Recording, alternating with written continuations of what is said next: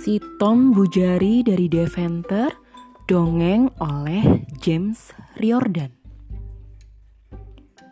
Jauh di sebelah utara negeri Belanda, di sebuah dusun yang bernama Deventer, hiduplah sepasang suami istri petani yang bernama Klaas dan Gritja.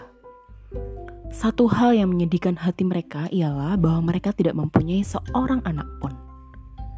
Pada suatu hari, Klaas sedang berada di sawah dan Gritja membuat adonan kue di rumah. Sambil bekerja, Gritja mengeluh.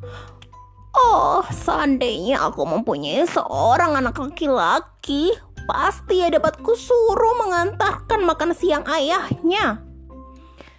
Tiba-tiba, adonan kue itu berkecopak dan muncullah seorang anak laki-laki yang sangat kecil, kira-kira sebesar ibu jari dari dalam adonan itu. Kemudian dia melompat ke meja sambil berseru. Hai bu! Oh, oh, oh! Gereja keheranan. Kau berasal dari mana? Aku datang dari adonan kue. Hap, hap, hap. Begitu. Namaku si Tom Bujari. Karena gereja hanya terbelalak heran, anak kecil yang lucu itu kembali berkata, Ayo bu, jangan berdiri seperti patung. Aku harus mengantar kue itu pada ayah. Seperti seorang dungu, Gritcher, membungkus lima buah kue dengan sehelai serbet dan menyerahkan bungkusan itu pada Tom Bujari. Dengan cekatan, anak sebesar ibu jari itu menyusupkan seba, sepa, sebatang ranting ke dalam ikatan bungkusan itu, lalu memikulnya dan segera berangkat. Pada waktu menyeberangi jembatan, tidak jauh dari tempat penggergajian kayu milik Bolweng, Tom terpeleset dan jatuh ke dalam parit. Tolong, tolong, aku hampir tenggelam. Teriak Tom Bujari menggema sampai ke tempat kelas bekerja. Petani itu segera berlari ke arah suara dan alangkah herannya ketika ia melihat anak yang sedemikian kecil itu. Jangan terbayang-bayang begitu dong ya, tegur Tom. Cepat tolonglah aku. Sambil masih keheranan, kelas mengangkat anak kecil yang basah kuyup itu dan mendudukkannya dengan hati-hati di sisinya. Kau berasal dari mana? Tanya kelas.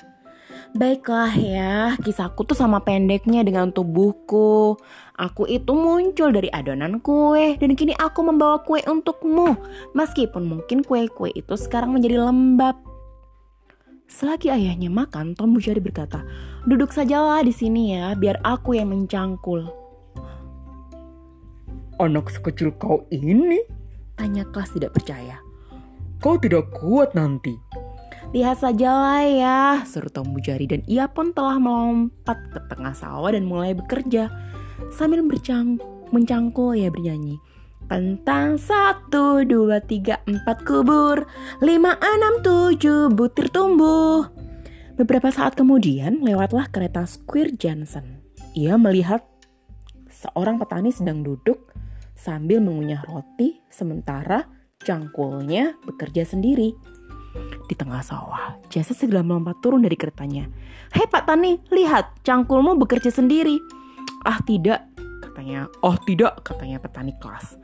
Anakku yang sedang mencangkul dan bernyanyi itu. Jensen mendekat yang menjadi sangat heran. Aku ingin membeli tanah anak itu, katanya seraya mengeluarkan pundi-pundi uang emasnya. Berapa harga yang kau minta? 10, 20, atau 50 keping uang emas? Tidak, tidak, tidak. Aku tidak pernah mimpi ingin men... Jangan khawatir ya, bisik Tom mem memotong kalimat ayahnya.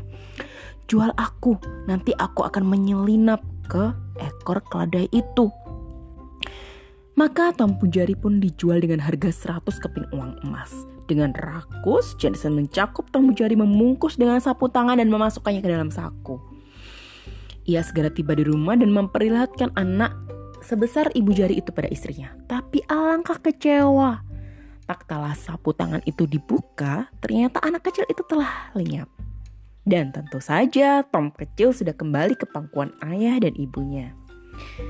Di suatu petang yang lain, Tom dan Tom Bujari dan ayahnya pulang dari menuai umbi kentang dan Tom duduk di sudut gerobak yang penuh dengan umbi kentang. Ia sangat bergembira sehingga lupa berpegangan pada sisi gerobak. Karena itu ketika gerobak itu membentur ujung jembatan, Tom terpelanting ke belakang tepat di atas kudukan kentang. Dan ketika gerobak menggelinding di jalan yang menurun, Tom kecil semakin tenggelam ke dalam. Usahanya untuk naik sia-sia, ia berteriak memanggil ayahnya namun suaranya tenggelam dalam derak-derak roda. Apalagi petani kelas sedang memikirkan sapinya yang sakit. Tiba di kandang sapi, seluruh isi gerobak itu dituang. Kelas berharap sapinya akan segera sembuh setelah makan umbi-umbi kentang. Ia sama sekali lupa akan pembujari. Dan baru ingat pada waktu makan ketika gereja tiba-tiba berseru. Di mana anak kita? Oh ya ampun, aku benar-benar lupa pasti ia tertinggal di gerobak. Keduanya berlari keluar tapi Tom Bija, Bujari tidak terlihat baik di halaman, di gudang ataupun di kandang. Tom, Tom, Tom, panggil gereja berulang-ulang. Tom, Tom, Tom di mana kau? Teriak ayahnya. Tetapi tidak satu pun jawaban yang terdengar. Kedua orang tua itu semakin sedih dan bingung sambil menangis menangis gereja berseru. Tom Bujari anakku di mana kau? Tiba-tiba mereka mendengar suara kecil seolah dari jarak jauh. Aku di sini tidak apa-apa.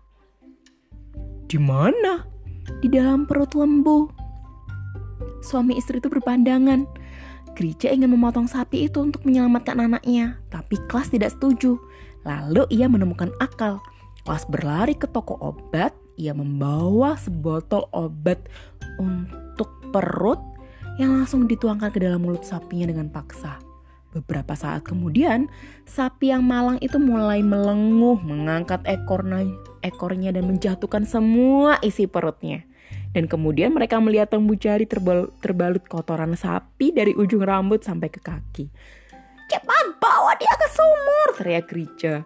Dan begitulah setelah dimandikan, digosok dan disabun berulang kali, tambu jari yang jenaka pun kembali tertawa riwang, serta mendatangkan sukacita bagi kedua orang tuanya. Sampai bertemu lagi di cerita dongeng selanjutnya.